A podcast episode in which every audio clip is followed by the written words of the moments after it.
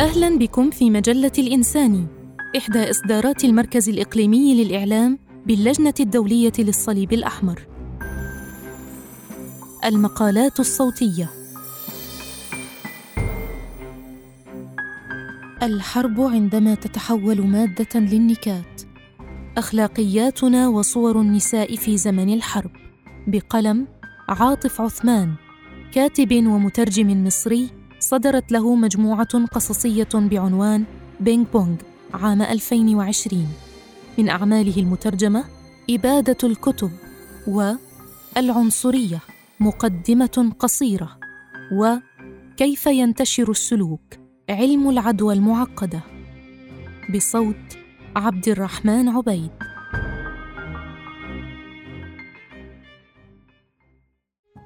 الحرب قد تعني أشياء كارثية عديدة للنساء المتضررات قتل وإصابات وإعاقات دائمة وندوب نفسية ونزوح وانفصال عن الأحبة والأسرة وفقد بعض أفراد العائلة بلا قدرة على استجلاء مصيرهم أو حتى معرفة مكان رفاتهم وذكريات أليمة عما حدث وتذكارات وممتلكات مادية سحقتها آلات عسكرية وخطط وآمال وأحلام عصفت بها ريح القتال بين ليلة وضحاها.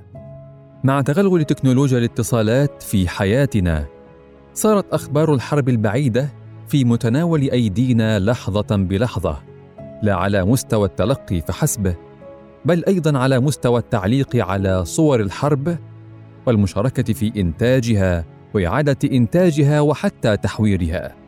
لا في الفضاء العام عبر منصات فيسبوك وتويتر فحسب بل أيضا من خلال المحادثات الخاصة عبر تطبيقات مثل واتساب. وصارت الحرب تعني للبعض مادة للنكات والفكاهة اشباعا لفانتازيا جنسية أو عنصرية. والأزمة الأخيرة في أوكرانيا تشهد على ذلك.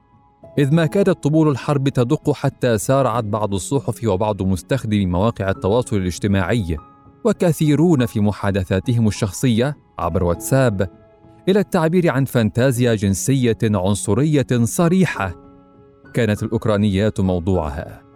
صحيفة نشرت على صفحتها بفيسبوك: بيتنا مفتوح ليكو. خفة دم المصريين تتحدى الحرب بانتظار الفتيات الأوكرانيات. نصيحة لا تتسرع في الزواج. سيكون هناك نازحات ولاجئات أوكرانيات قريبا. صحيفة أخرى نشرت صورة فاضحة لفتاة شقراء تحمل علامة المميزه للمفوضية السامية لشؤون اللاجئين مصحوبة بعبارة عمل إنساني تبنوا أوكرانية لحمايتها من الاحتلال الروسي. نطاق التنكيت اتسع باشتراك بعض المستخدمين العرب لموقعي فيسبوك وتويتر للتعبير عن الأمنيات ذاتها. عشرات الحسابات على فيسبوك في دول عربية عدة شاركت نفس المحتوى الجنسي العنصري الساخر بمنشورات حصدت عشرات الآلاف من تأشيرات الإعجاب والاستحسان فضلا عن التعليقات المتفقة مع محتواها. وعلى الجانب الآخر من العالم تحدثت وسائل إعلام محلية بالبرازيل عن نائب ببرلمان البلاد قال في تسريب صوتي عبرت للتو الحدود سيرا على الأقدام بين أوكرانيا وسلوفاكيا. أقسم لك يا أخي لم أر ابدا في حياتي فتيات جميلات وفاتنات مثل هؤلاء. شيء لا يصدق. اثنان الإعلام التقليدي ومواقع التواصل الاجتماعي.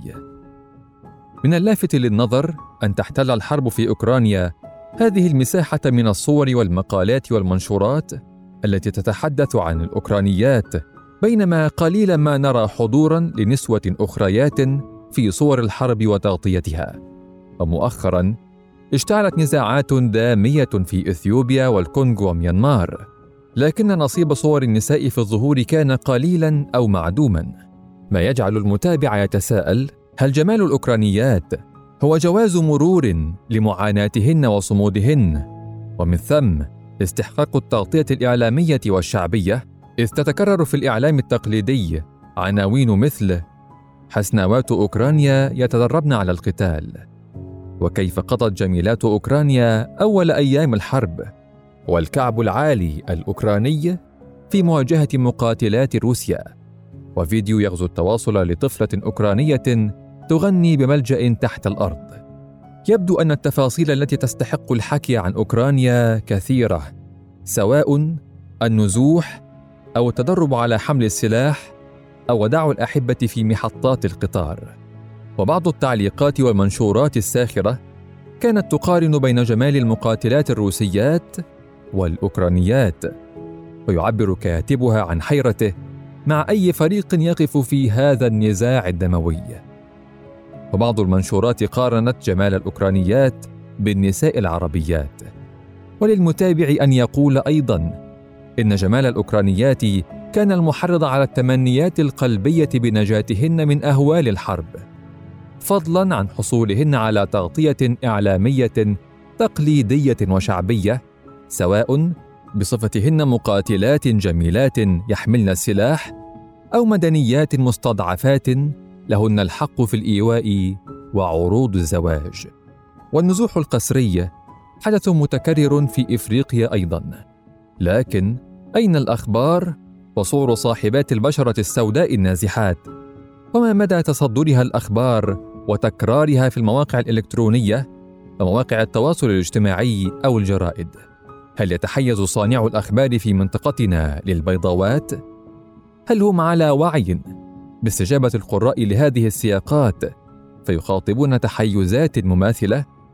إذ لا يبدو أن النازحات واللاجئات الإفريقيات يحظين بترحيب من العرب بل ولا أبالغ إن قلت إنهن غير مرئيات من الأصل لابد أن يكون الحدث ضخما ومروعا بقدر الاغتصاب الجماعي حتى تستحق السمراوات الذكر في الإعلام التقليدي كما الحال في أزمة تجراي مثلا.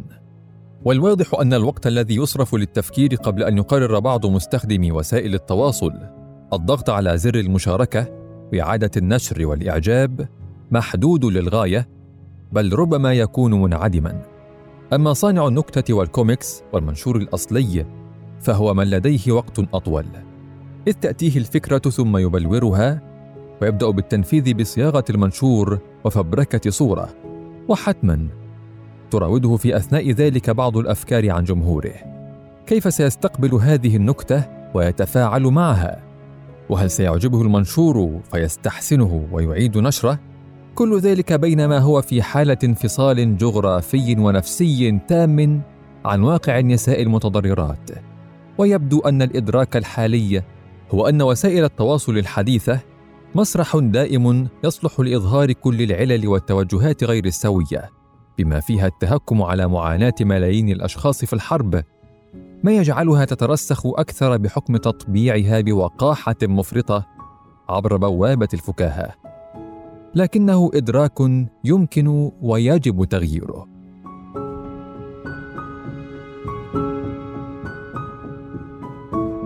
ثلاثة عمل إنساني. والسؤال الآن هو هل يمكن أن تمثل المبادئ الأساسية للعمل الإنساني فوصله إنسانية للإعلاميين ومستخدمي وسائل التواصل؟ عمل الحركة الدولية للصليب الأحمر والهلال الأحمر الذي تحكمه سبعة مبادئ أساسية هي الإنسانية والحياد وعدم التحيز والاستقلالية والعالمية والوحدة والعمل الطوعي. استجابة رحيمة لصور المعاناة الناجمة عن العنف ومحوره حفظ الأرواح وصون الكرامة الإنسانية. وفي عام 1965 اتفقت جمعيات الصليب الأحمر والهلال الأحمر على تلك المبادئ. ومنذ أواخر الثمانينيات اهتدت بالمبادئ نفسها أو بعضها هيئات الأمم المتحدة ومنظمات حكومية دولية وإقليمية. ويمكن بل ينبغي أن يستلهم الإعلاميون ومستخدمو وسائل التواصل بوجه عام مبدأين محوريين من المبادئ الأساسية للعمل الإنساني. هما الإنسانية وعدم التحيز. بالإضافة إلى واجب كف الأذى لتعزيز حقوق الإنسان وصون كرامته. فما محور هذين المبدأين؟ وكيف يمكن إدماجهما في العمل الإعلامي واستخدامنا لوسائل التواصل؟ يجسد مبدأ الإنسانية جوهر العمل الإنساني. وهدفه الحيلولة دون معاناة المتضررين من الأزمات وتخفيفها متى وقعت. وحماية الأرواح وصون الكرامة وتشجيع التفاهم المتبادل بين جميع الشعوب. ويتضمن مبدأ الإنسانية مفهوم الإيمان بالمساواة بين البشر. ومن ثم فكرة عدم التمييز. والعمل الإنساني يشمل كل من المساعدة والحماية. والحماية بدورها تتضمن الالتزام بواجب كف do no harm imperative. وهو مبدأ إنساني أيضا. فكيف يمكننا تقديم الحماية الإعلامية للنازحات واللاجئات؟ من خلال مبدأ الإنسانية. إعلان رفضك المحتوى المسيء للنساء المستضعفات. ومكافحته بوسائل الإبلاغ والاعتراض المتاحة. الكف عن ترويج الصور المفبركة والمهينة والتعليقات المسيئة للمستضعفات. عدم تسويغ استغلال المستضعفات بأي صورة كانت لا سيما الاستغلال الجنسي. تجنب تعريض الضحايا لمزيد من الأذى بسبب أنشطتك الإعلامية. تجنب تعريض الجمهور لتصورات مشوهة وصور نمطية عن الآخر بهدف تشجيع الاحترام بين الشعوب. ويرتبط بعدم التحيز مفهوم عدم التمييز. إذ يجب تقديم المساعدة والحماية بغض النظر عن العرق والجنسية والدين والولاء السياسي والنوع. عدم التمييز هدف أخلاقي بحد ذاته وهو نتيجة طبيعية لمبدأ الإنسانية. معنى ذلك أن يستبعد الشخص التفضيلات الشخصية فينتصر للإنسانية والكرامة دون نظر إلى انتماءات البشر. وعدم التحيز يتضمن بدوره الالتزام بواجب كف الأذى. Do no harm imperative. فترويج مثل هذه الصور المسيئة لا يجرد المتضررات فحسب من إنسانيتهن بل يجرد أيضا صانعيها ومروجيها من إنسانيتهم. فكيف يمكننا تقديم الحماية الإعلامية للنازحات واللاجئات من خلال مبدأ عدم التحيز؟ عدم الانجراف وراء تعليقات جنسية أو عنصرية عن النساء المنتميات لعرق معين لا مدحا ولا ذما. بسبب سماتهن الجسدية المستحسنة أو المستقبحة. تجنب التمييز على أساس اللون والانتماء الإثني والحرص على عرض معاناة المتضررات كافة بما يثير التعاطف معهن جميعا. الحساسية تجاه اللغة المستخدمة والصور المصاحبة للأخبار والمقالات والمنشورات على وسائل التواصل الاجتماعي واستخدام لغة إنسانية وقصص تظهر فاعلية النساء. فالمرأة ليست ضحية أو مقاتلة فحسب إنما أيضا مشاركة في العمل الإنساني ورعاية الطبية والاجتماعية وغير ذلك. في ظل هذا الطوفان الهائل من الصور والأخبار الحقيقية والمفبركة عن الحرب نشكل جميعا أخلاقنا واستجاباتنا للواقع بايدينا ونوعز للآخرين أيضا بأفكار ومواقف وتوجهات على مدار الساعة.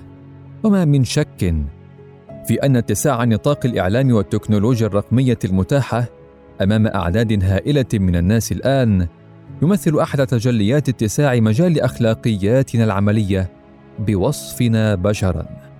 وتكمن في مبادئ العمل الإنساني. إمكانية كبيرة لتطوير أخلاقيات مجال الإعلام التقليدي ووسائل التواصل الاجتماعي. وفي سياق الحرب تقتضي انسانيتنا المشتركة الالتزام بواجب كف الأذى والإحجام عن إيقاع مزيد من الضرر بضحايا النزاعات المسلحة. شكرا للمتابعة. للاستماع إلى مزيد من المقالات زوروا الموقع الإلكتروني لمجلة الإنساني blogs.icrc.org/الإنساني